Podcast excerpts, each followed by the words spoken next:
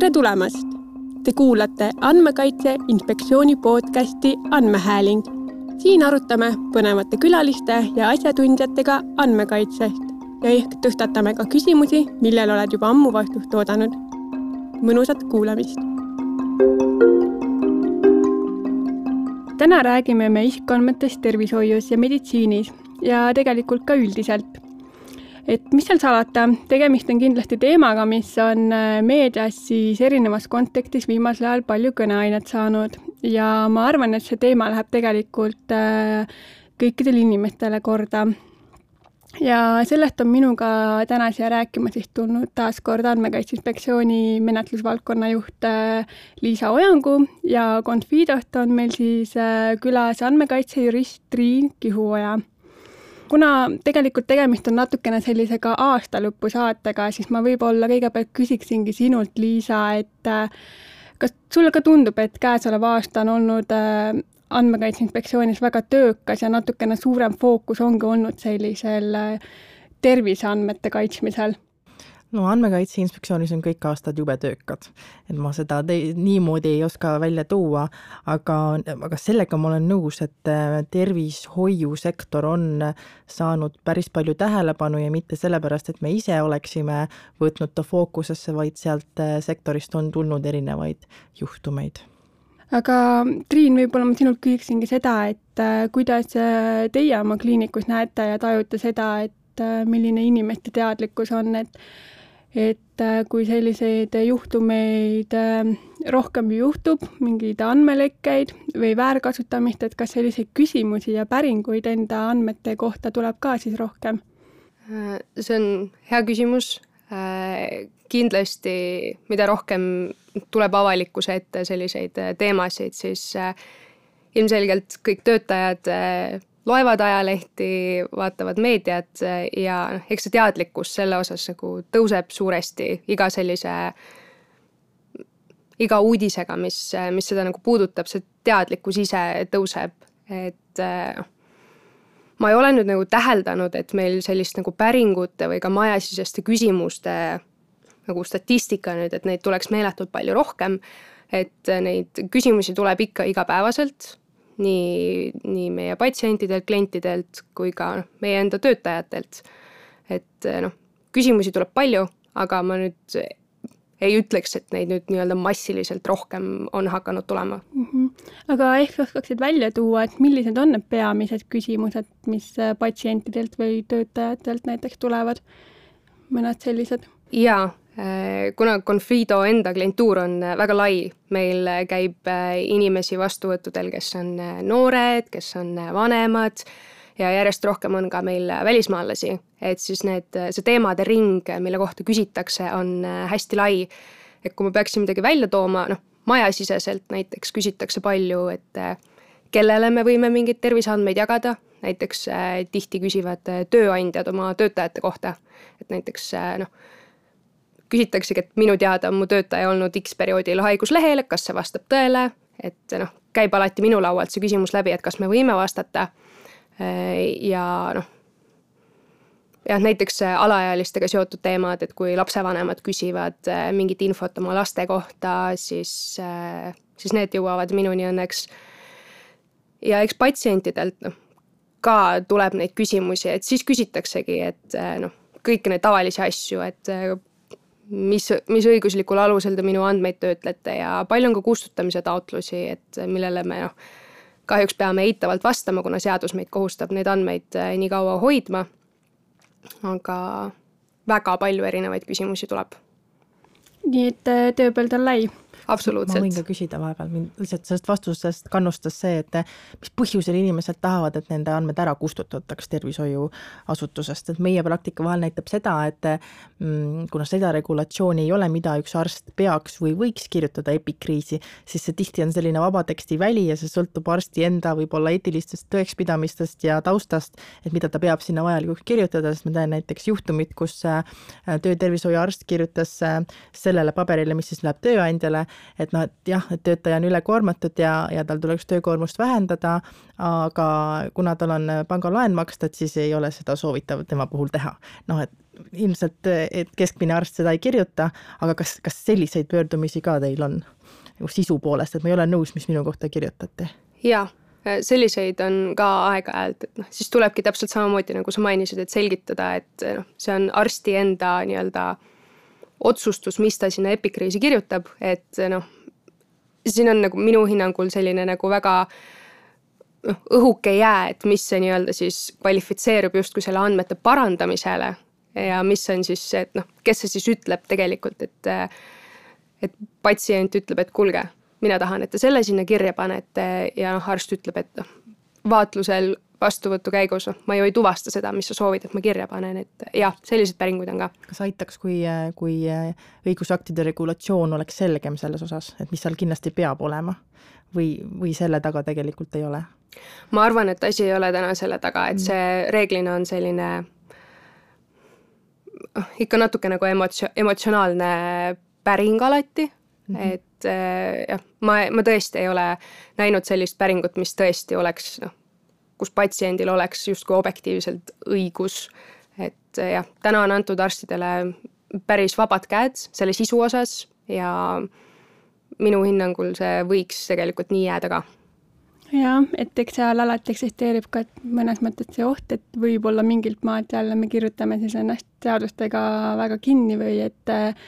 arst ei tea siiski enam, kuidas oma tööd teha. aga noh, tulles tagasi nende probleemide juurde, et siis äh,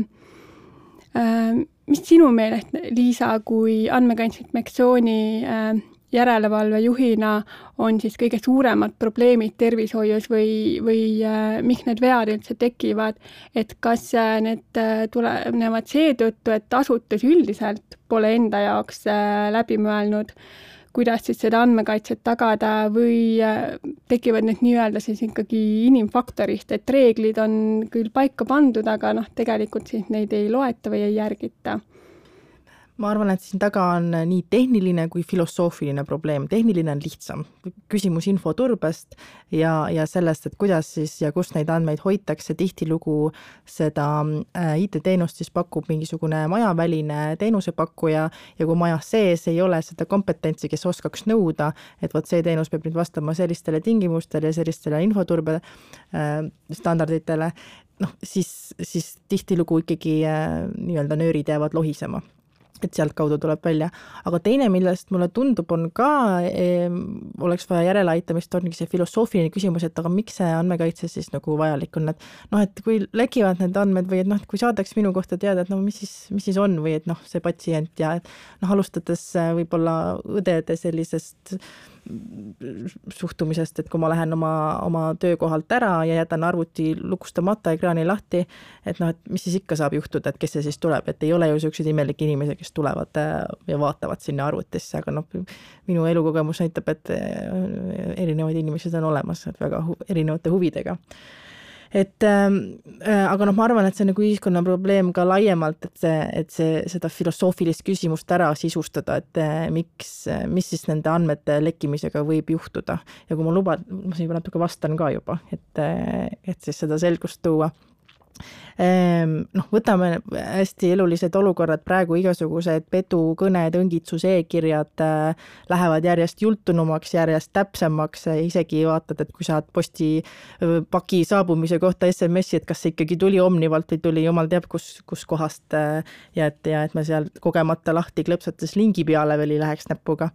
Et äh, aga noh, kujutage ette, et kui kellegi valdusesse satuvad nüüd sinu terviseandmed ja ta vaatab, et ahaa, okei okay,, sul on niisugune diagnoos, äh, perekonnaseis on sul selline, ahaa, okei okay,, ma teen talle niisuguse eduõngitsuskirja, et esinen näiteks sisetervishoiuasutusena, ütlen, et kuulge, teie analüüsid läksid rohkem maksma, palun äh, makske juurde, kandke siia, noh, kõik sellised olukorrad, noh, kuni šantažeerimiseni välja, et kui sa ei maksa teatud raha, siis vot meie käes on sellised andmed ja need lähevad avalikuks sinna ja sinna. Ja, ja noh, loomulikult ka igasugused sihistatud müügipakkumised, et ahaa, sinul on siin kõrge vererõhutõbi, mul on siin äh, ma ei tea, Tonerin on vist see suurepärane libaravim, mis kogu aeg figureerib, et sulle on täpselt see õige ja ma tean, et sul on need sümptomid, et noh, mida rohkem sina tead oma sihtmärgi suhtes, seda suurem usaldusväärsus on sinul oma sihtmärgi ees. ja see on nagu selline tavapärane olukord, mida me ka andmekaitsega tahame ära hoida. jaa äh,, olen täitsa nõus selle sinu näitega,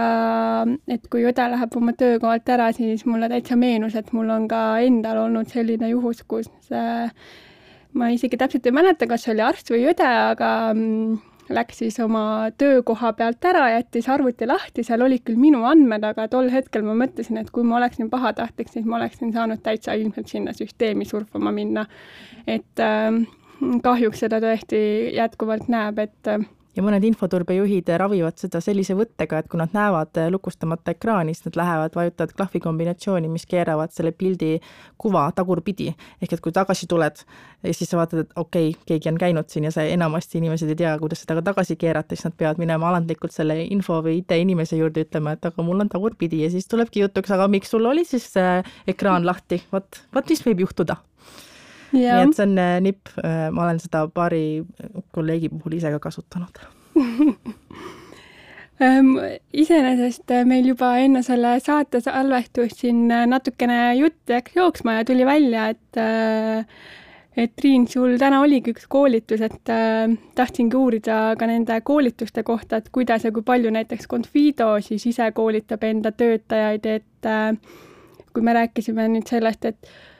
et äh, väga tähtis on üldse aru saada, miks andmekaitset vaja on, siis väga tähtsat rolli tegelikult asutuses ju selle tagamisel mängibki andmekaitsespetsialist ja mul on tegelikult väga hea meel, et meil täna on siin ka reaalselt äh, andmekaitsespetsialist, äh, kes siis saab nii-öelda oma vaadet jagada.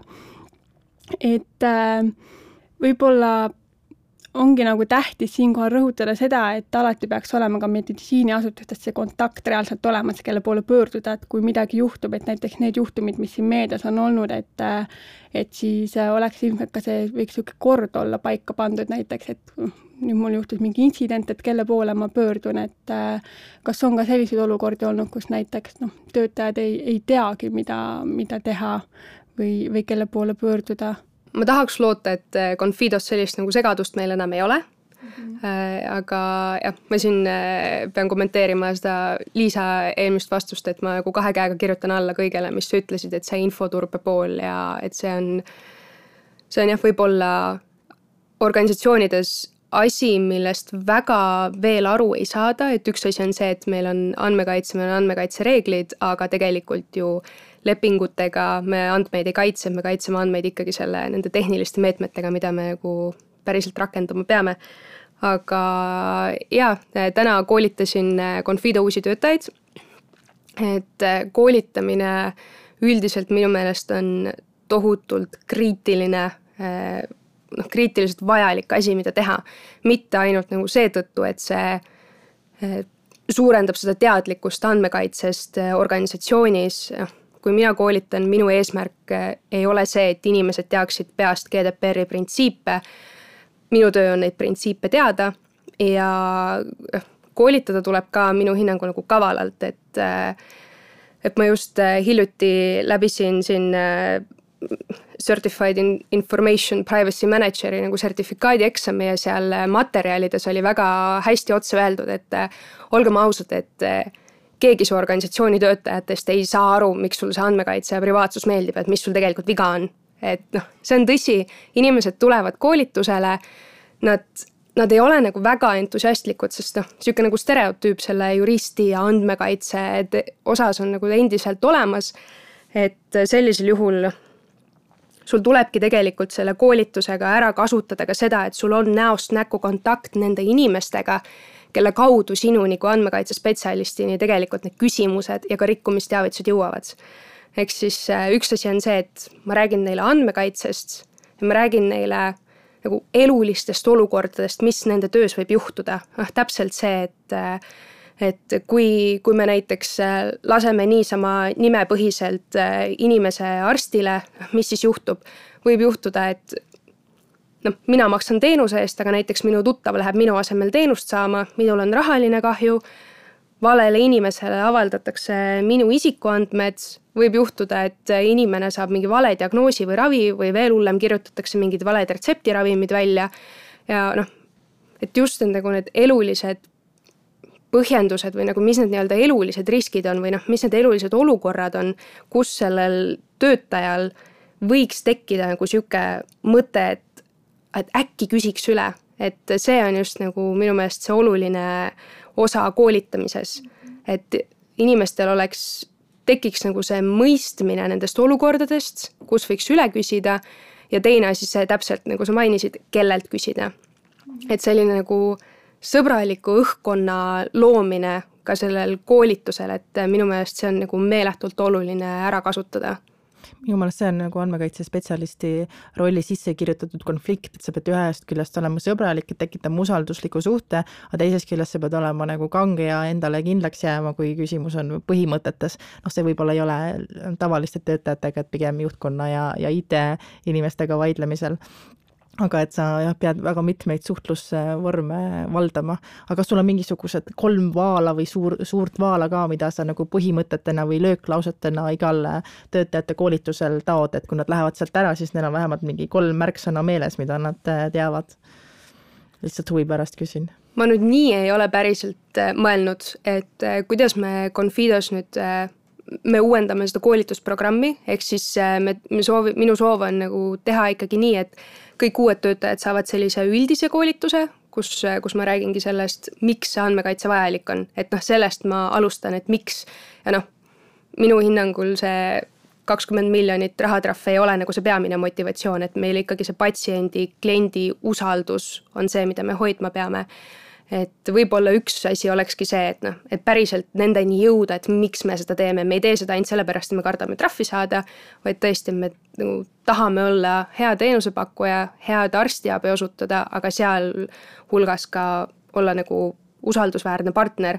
just, et trahviga on see, et äh, maksad selle ära, aga tegelikult, kui ikkagi usaldus on kadunud, siis seda enam naljalt äh, tagasi väga ei võida ja noh, ongi, meditsiinis ju võivad täiesti väga traagilised tagajärjed ka tegelikult olla sellel, kui, kui tõesti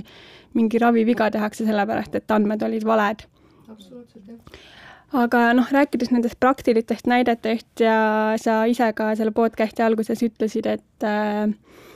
et kõik need uudised, mis on meediast läbi käinud, et tegelikult need justkui on pannud ka töötajaid ja inimesi rohkem mõtlema andmekaitse peale ja mõnes mõttes sellist nagu teadlikkust kasvatanud. et äh, siis noh, ma arvan, et patt oleks äh,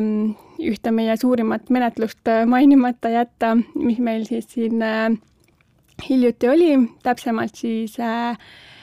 Ida-Tallinna Keskhaiglaga, et ähm, võib-olla siis tuletaks kuulajatele meelde, et äh, mis see põhiline probleem seal oli, et äh, miks me selle menetluse üldse alustasime no põhiline probleem oli, et Ida-Tallinna Keskhaiglas dokumentide käsit-, käitlemisel ja, ja hävitamisel jäi paha jäi, jäi selline mulje ja menetluses tegelikult leidis ka kinnitust, et see on läbi mõtlemata, mismoodi, milline on andmete nii-öelda elukaar siis seal asutuses. ja, ja noh, selline, selline sümptom või see, see mädapaise, mis siis välja tuli, oli see, et et kui dokumendid läksid hävitamisele, siis need ei läinud mitte nagu kinnises konteineris või kuskil suletud kohas või, või purustatuna, vaid et need andmed siis vedelesid lasid lahti siis ehituskonteineris, mis olid äh, Magdalena polikliiniku peaukse kõrval. Äh, ja noh, meediast on läbi käinud, et see olevat olnud selline kõrgete häärtega suur konteiner ja kinnine, kuhu siis äh, AKI ametnik, ma ei tea, köisredeliga või millega ennast sinna sisse vinnas, et noh, tegelikult oli asi nii, et need uksed olid pärani lahti ja keegi ei pidanud ennast sinna vinna, astusid kaks sammu ja tegid pilte toimikutest pealkirjaga terviseandmed, delikaatsed isikuandmed ja, muud sellised andmed. et noh, noh, see näitab, et, et ka kõige baastasemel asjad olid äh, läbi mõtlemata, et noh, loomulikult võib tagantjärgi õigustada, et äh, keegi kaamerast jälgis seda konteinerit või keegi kuskilt ukse vahelt äh, jälgis seda ja, ja keegi oli korraks suitsule läinud, et see oli lihtsalt halb kokkusattumus, aga noh, põhimõtteliselt sa ei hävita isikuandmeid ja terviseandmeid niimoodi, et need on peaukse kõrval kõigile kättesaadavalt ja sellises konteineris, sest AKI ajaloos on ka juhtum, kus AKI ametnikud on pidanud käima maantee kõrvalt kokku korjamas isikuandmeid paberi peal, sest et prügiauto konteinerist olid need sõidu ajal välja lennanud ja, ja pool maantee äärt oli seda täis. et noh, kõik sellised ohud oleks võinud ka seal tegelikult realiseeruda. -hmm et äh, noh, ja suures pildis tegelikult äh, noh, see asi on kohtus, äh, kohus mõistis ka selle olukorra hukka, aga noh, nii-öelda juriidika taha jäi, jäi selle otsuse jõusse jäämine, aga noh, põhistatud otsust me ei ole siiamaani veel kohtust saanud mm. -hmm aga noh, käesoleva aasta novembris ikkagi ka siis karistusseadustiku muudatused jõustusid, et kas on lootust, et et see kuidagi tulevikus meid taolistes olukordades aitab?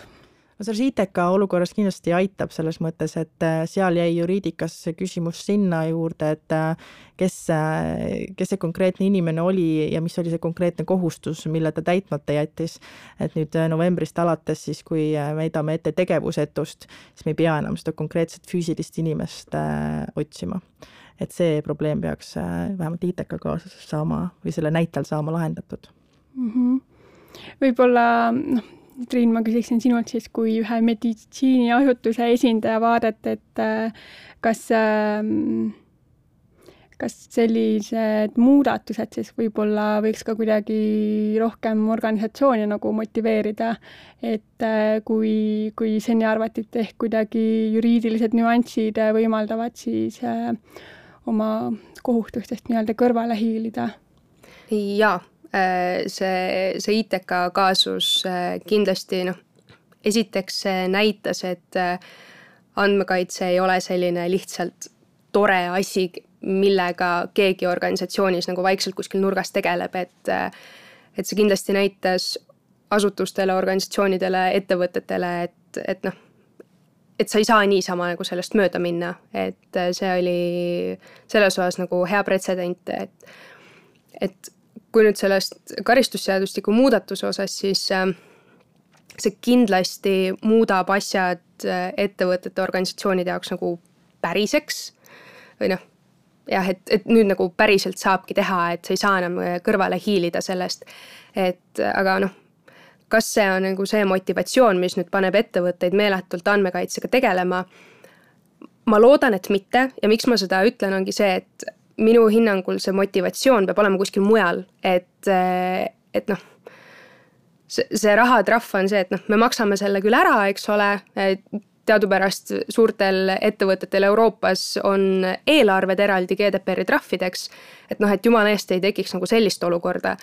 et, et jah, see motivatsioon peab olema ikkagi sellest, et me päriselt tahame neid andmeid turvaliselt hoida ja jah, et mitte lihtsalt toimetada andmekaitsega nagu selle rahatrahvi nagu hirmus. Ja no kui rahatrahvi hirm ei aita ja, ja niisama ka filosoofilist motivatsiooni ei tule, siis võib-olla aitab kaasa teadmine, et tõenäoliselt äh, tulevad nii-öelda esindushagid ka andmekaitse asjades, mille äh, mille eestvedaja siis saab olema Andmekaitse Inspektsioon, mis tähendab siis inimkeeles seda, et kui ähm, inimestel on tekkinud kahju nende isikuandmete väärtöötlemisel, siis äh, saab AKI sellised inimesed kokku koguda ja, ja nende nimel siis minna kohtusse kahju hüvitamist nõuda. tõsi, seni Riigikohtu praktika on olnud üsna konservatiivne kahjuhüvitiste või kahju äh, tekkimise nentimisel aga äh, suvel tuli nüüd üks Euroopa Kohtu lahend, mis, mis sunnib meie nii-öelda siseriiklikku praktikat ka teise pilguga vaatama, nii et ma arvan, et ka see, seda ei saa nüüd lootma jääda, et Eestis ühel hetkel ei tuleks lahendit, kus öeldaksegi, et see, et sinu andmed lekkisid ja, ja sattusid ei tea kuhu, et ka see teadmatus kui selline tõenäoliselt võib äh, kvalifitseerida kahjuna ja, ja noh, ettevõte peab siis arvestama sellega, et kui tal tekkis näiteks kümme tuhat ja need kõik kümme tuhat tulevadki läbi AKI hagema, siis see ka ei ole väike summa, see võib suurem summa olla kui, kui võib-olla AKI määratud trahv. ja et siinkohal ma lihtsalt tahan veel korra tulla selle infoturbe juurde ka tagasi, et et ma tahaks nüüd loota, et kui see nii-öelda trahvimise praktika noh, sisse töötatakse. jah, sisse töötatakse, et noh, näidatakse noh, mõnes mõttes ka hambaid selles osas, et noh, see võimalus on täna nüüd seaduslikult olemas, et, et see võib-olla innustab ka ettevõtteid selle infoturbe poole pealt nagu rohkem panustama, et sest ikkagi noh, sul võivad olla need kõik dokumendid laitmatult korras, sul võivad olla kõige paremad mõjuhinnangud üldse, aga kui sul ikkagi infoturbe tõttu või selle nõrkuse tõttu keegi ikka võrku sulle sisse tuleb ja sult kõik andmed ära varastab, et siis see nagu laitmatu mõjuhinnang sind nagu ikkagi sellest äh, kahjust ei päästa mm. -hmm. aga samas ma kindlasti tahaks rõhutada siinkohal ka seda, et äh, et ilmselt ei tasu ka loota seda, et me nagu ka alati täiesti teise äärmusesse lähme, et äh, iga tegevuse eest alati nagu mm, organisatsioon vastutab või et siis nagu tööandja alati töötaja eest, et, äh, et noh, kindlasti on ka selliseid olukordi, kus on võimalik ju tegelikult ka mingit konkreetset töötajat siis äh, nii-öelda vastutusele võtta, kui tema on ikkagi, ongi konfidentsiaalsust rikkunud, kõiki reegleid, mis ettevõte on kehtestanud, et noh, näiteks äh, samuti alles hiljaaegu äh, lahvatas siis äh, seoses Tallinna kiirabiga see skandaal, kus siis äh, töötajad lihtsalt Facebookis jagasid noh, väga tundlikku teavet, igasuguseid pilte ja, ja muud sellist informatsiooni, et noh, tulles nüüd selle teema juurde, et selline sotsiaalmeedias jagamine, et noh, jälle samamoodi, et kui meid äh, nüüd kuulab keegi kuskilt, kes pole selle teemaga kokku puutunud, et äh, näiteks no miks ma ei tohi minna oma tööasja seal äh, Facebookis jagama, et noh, et miks see, miks see ei ole okei okay? et...? no ma küsiks kohe vastu, et kui ma pangas töötan, et kas on okei okay,, kui ma lähen Facebookis jagama, et aga täna ma andsin Keilile laenu, aga Triinule veel laenu ei andnud, sest noh, tal on kehv sissetulek või noh, mida iganes. et noh, kas, kas ei ole nagu iseenesestmõistetav, et see teave, mida sa saad tööalaselt, seda sa ei lähe jagama äh, ja ka kolleegidega, mitte vähemalt mitte seda kanalit pidi. et noh, siin, kui me tahame rääkida andmekaitse põhimõtete raames, siis äh, küsime kohe, et kas sa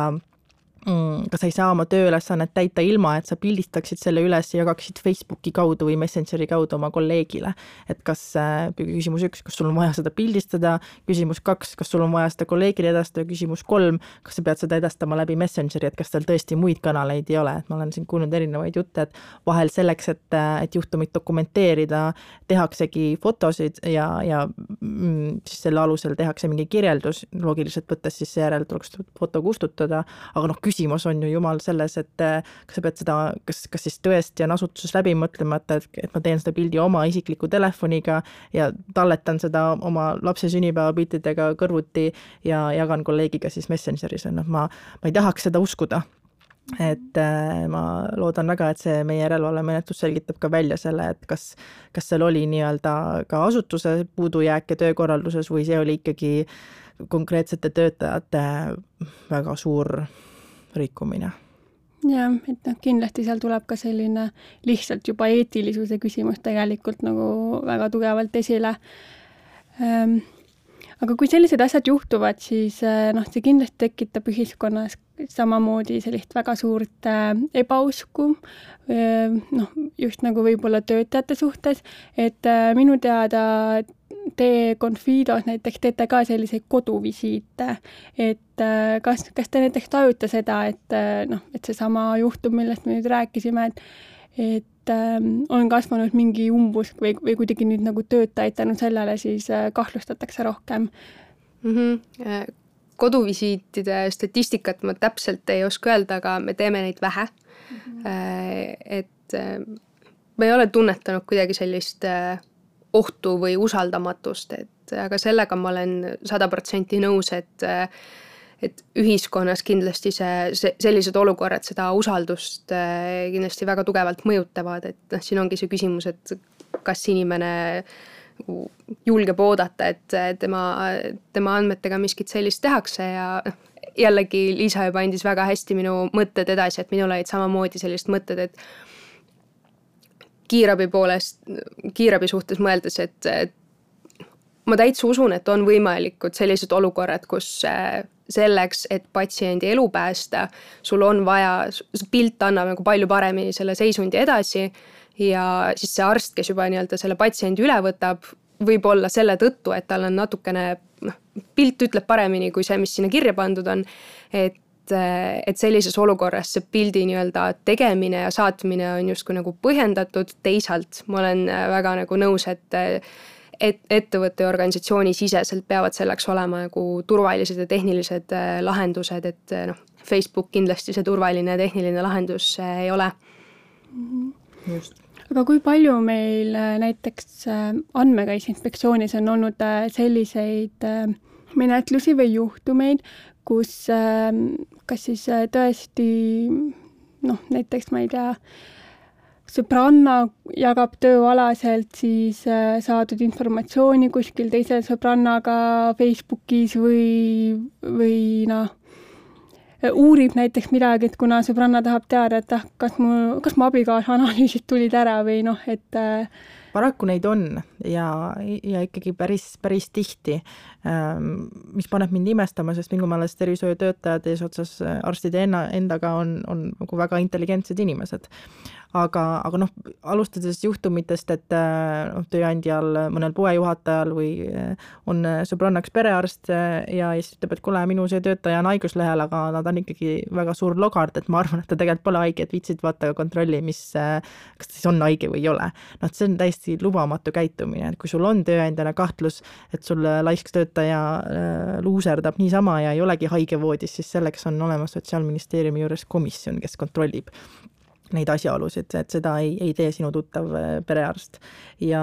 noh, on ka juhtunud, kus äh, noored rohelised äh, tervishoiuasutuse registratuuri töötajad ei suuda oma elevust hoida vakal ja ainult endale, kui on käinud mõni kuulus isik vastuvõtul ja siis ta on seda postitanud kuskile või jaganud sõprade ringile, et noh, et see ka ei ole okei okay,, et ähm,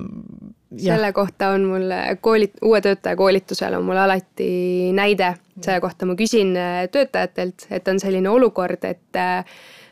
sa näed maja peal, et liigub üks äh, mõni avaliku elu tegelane ja näiteks oled just hiljuti meediast lugenud, et on kahtlused, et näiteks see inimene põeb rasket haigust ja pakutakse vihje eest nagu üsna kopsakas summa ja sul on juurdepääs sellele andmebaasile, kust sa saad näha, mis arsti juurde see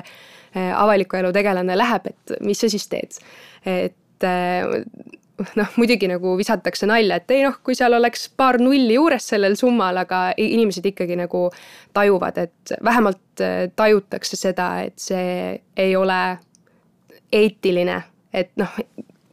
see, et, et see regulatsioon seda ei luba, ma arvan, et noh, inimesed, tavainimesed justkui nagu ei, ei mõista seda, aga nemad just toimetavad nagu selle eetilisuse piiri peal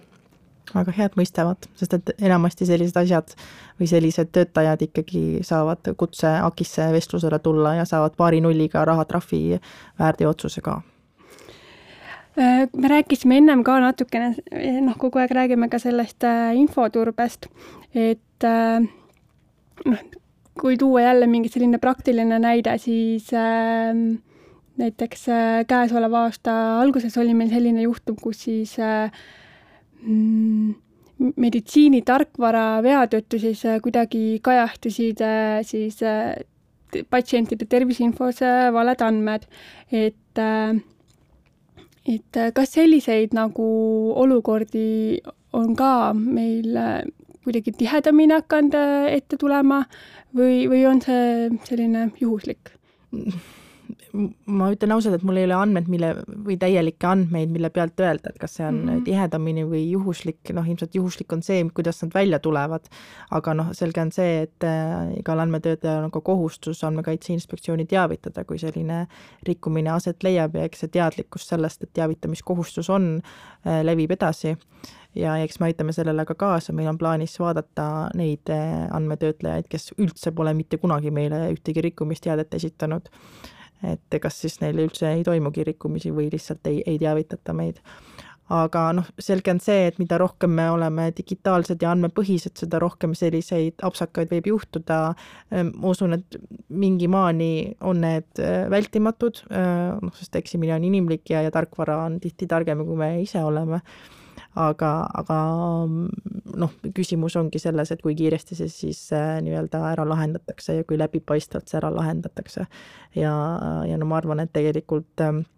päris mm, pikk tee on veel minna sel teemal, et kui tõesti sinul kui andmetöötlejal juhtub midagi inimeste andmetega, siis, siis selle asja kinnimätsimine on, on palju kehvem, kui lahtiste kaartidega ise proaktiivselt ära rääkida, et näete, juhtus see, saime aru, võtsime ette selle ja selle, vaadake ette selle ja selle eest, et noh, see on igatpidi mõistlikum viis nii, nii õigusaktide vaatest, ma ei tea, kommunikatsiooni vaatest kui ka üldise usalduse vaatest nii oma klientide, patsientide kui ühiskonna ühiskonna poolt. jah, ja tegelikult ju noh, inimesel ongi õigus seda teada, et siis ta oskab ennast hoida, et kui peaks tulema mingi imelik, ongi email või SMS, et siis ta teab, et tegelikult Just. see võib mingi pahalane olla ja mis ma su jutu peale veel tahtsin öelda, on ka see, et tegelikult see, kui Andmekaitse Inspektsioonile see rikkumisteade esitada, siis see ei näita otseselt seda, et andmetöötleja oleks midagi valesti teinud või et mhm. tal on seal kõik korrast ära, vaid see just pigem näitab sellist teadlikkust ja, ja seda, et ta tahab asju parandada, et et isegi kui see pahalane sealt mingi nõrga koha üles leiab, siis alati noh, see ei, see ei ole alati selles mõttes andmetöötleja süü, vaid nende eesmärk äh, ongi see nõrk koht üles leida. just, just aga kas äh, näiteks Confidol on ka mingeid selliseid äh, näiteid tuua, et ähm, kas kuidagi on üritatud teie süsteemidesse sisse saada või, või, või pigem nagu sellist äh, meditsiiniasutusi nii palju võib-olla ei rünnata? Meditsiiniasutusi rünnatakse meeletult. Äh, just kaks nädalat tagasi olin äh, Brüsselis Euroopa andmekaitse kongressil, kus ühes äh, paneelis toodigi statistika, et meditsiiniasutus maailmas jagab kolmandat-neljandat kohta siis valdkond, valdkonnad, valdkondades, mida rünnatakse. et ründeid toimub kindlasti väga palju. minu teada ei ole meil ühtegi siis nii-öelda ründajate poolt õnnestunud rünnet olnud et äh, selleks ikkagi kindlasti seal taga käib nagu meeletu töö, et, äh, et neid andmeid kaitsta, et äh, see ei ole naljaasi ja noh, kõik meditsiiniasutused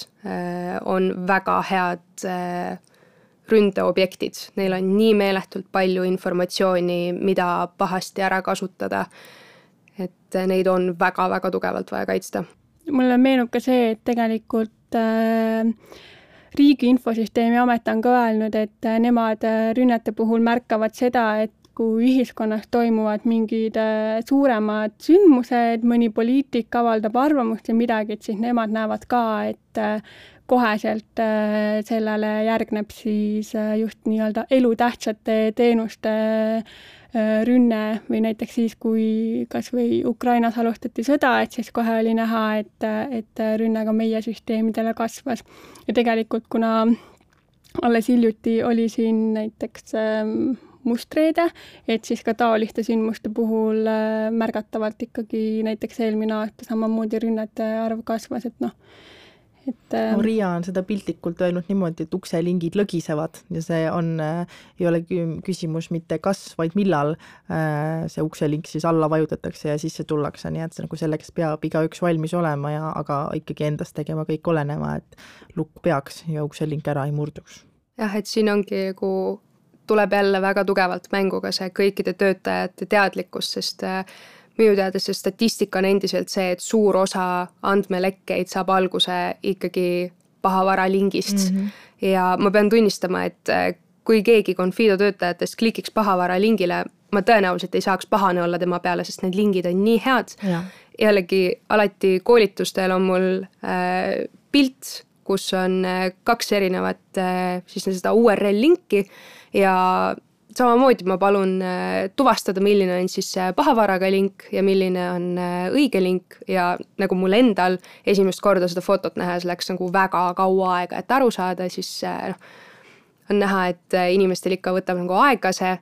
aga kui sa pead kiiresti kogu aeg tegutsema, sul on kiire, su mõtted on mujal, siis noh, see kipub nagu väga lihtsasti tegelikult juhtuma, see on endiselt nagu paratamatus täna just, ja minu meelest siin tuleb see oluline koht, kus nii-öelda infoturve ja andmekaitse ulatavad üksteisele käe, et kui sa ikkagi infoturbeliselt oled kõik endast oleneva teinud, aga ikkagi keegi on tulnud sinna sisse, siis see, kuidas sa andmekaitse põhimõtteid rakendades oled äh, suutnud teha niimoodi, et need andmed ei ole kõik üheskoos või need on ikkagi pseudonüümitud või, või noh, ühesõnaga, et sul ei ole terve pott esimese ründega kättesaadav, äh, aitab seda kahju äh, minimeerida. ehk et ähm, jah, Äh, infoturbelisi intsidente ei saa alati välistada, aga andmekaitsega ja andmekaitse põhimõtteid rakendades saab äh, seda kahju äh, väiksemaks teha või potentsiaalset kahju. Mulle meeldib, et sa selle välja tõid, sest ma mõtlesin just ise ka selle peale, et noh, kui kujutada mingit olukorda ette, et kuskil ongi mingi tabel, andmetega, minu terviseandmed, ma ei tea, mis iganes, geeniandmed, kõik, kõike seal on otse minu nimi juures seal äh, tabelis ja kui see tabel tekib, noh, siis on ikka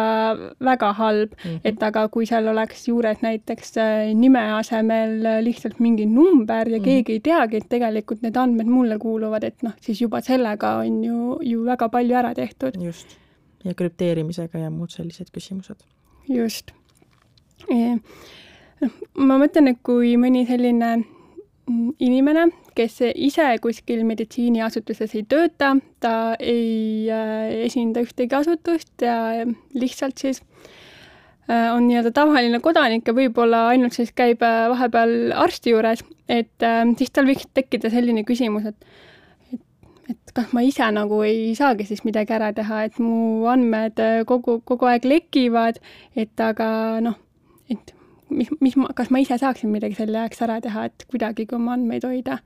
minu esimene soovitus oleks see, et äh, vali, kellele sa neid andmeid annad, noh, terviseandmete puhul muidugi jah, sa saad valida seda teenuse osutajat, aga noh, teades Eesti tervishoiusektori olukorda, on, kas saad arstile siis, kui oled ära surnud või ise terveks saanud, et noh, et siis väga ei saa valida, aga, aga noh, mingil määral ikkagi meil neid eratervishoiuteenuse osutajaid on, on ka tekkinud, aga noh, teine küsimus on muidugi see, et lõpuks see visiidi tulemus jõuab sul ikkagi äh, äh, digilukku, mida siis riik äh, üldiselt peab, et ma ei tea, et sealt oleks, et sealt oleks midagi kätte saadud või lekkinud, aga, aga noh, ma ise näen seda ohtu, kui, kui suur hulk tundlikke andmeid on, on ühes kohas koos et ja muidugi nõudlik tasub alati olla ja kui küsitakse andmeid, siis küsi, et aga miks seda vaja on, aga kas vähemaga ei piisa. et äh, see tundub nagu selline pirtsutamine võib-olla, aga samas minu meelest meie ühiskonnas on jube palju seda puudu, et kriitiliselt küsida, et aga kas äh, okei okay,, et sa tahad mu andmetega teha seda, aga et kas sa nagu sama eesmärki ei saaks teha poole vähemate andmetega. noh, et kui ma tellin paki paki automaati, kas siis mu koduaadressi on vaja, kõige lihtsam näide üks asi, mida ma veel siit omalt poolt lisan, et eh, kui sa nii-öelda kodanikuna külastad eh, meditsiiniasutust, siis eh, anna ka õiged andmed. meil on täna võimalik nii Tervisekassa kui ka noh, tasulisi teenuseid broneerida mit-, mitut viisi. sul on võimalik helistada, sul on võimalik online'is broneerida ja meil on ka üleriigiline digiregistratuur, et mida me aeg-ajalt näeme, on see, et mingite kas numbri või grammatiliste vigade tõttu, eh, ehk siis inimene eh, broneerib meile näiteks online'is aja, aga näiteks eh, emaili läheb üks täht valesti või inimene lihtsalt teeb mingi trükivea, siis meie lähtume nendest andmetest, mis see inimene meile ise annab. ja kui see inimene annab meile valed andmed, me võime noh, nina, ninast veri väljas pingutada, me ei saa neid õigeid andmeid ja sealt võivad nagu vead tekkida et, äh, et see on üks asi, millega praktikas me nagu kokku puutume ja see suuresti oleneb sellest inimesest endast, sest meie kahjuks tõesti ei saa kuidagi kontrollida. ma vaatan, et äh, aeg hakkab meil äh, selleks korraks otsakorrale jõudma, aga minu meelest siin tulid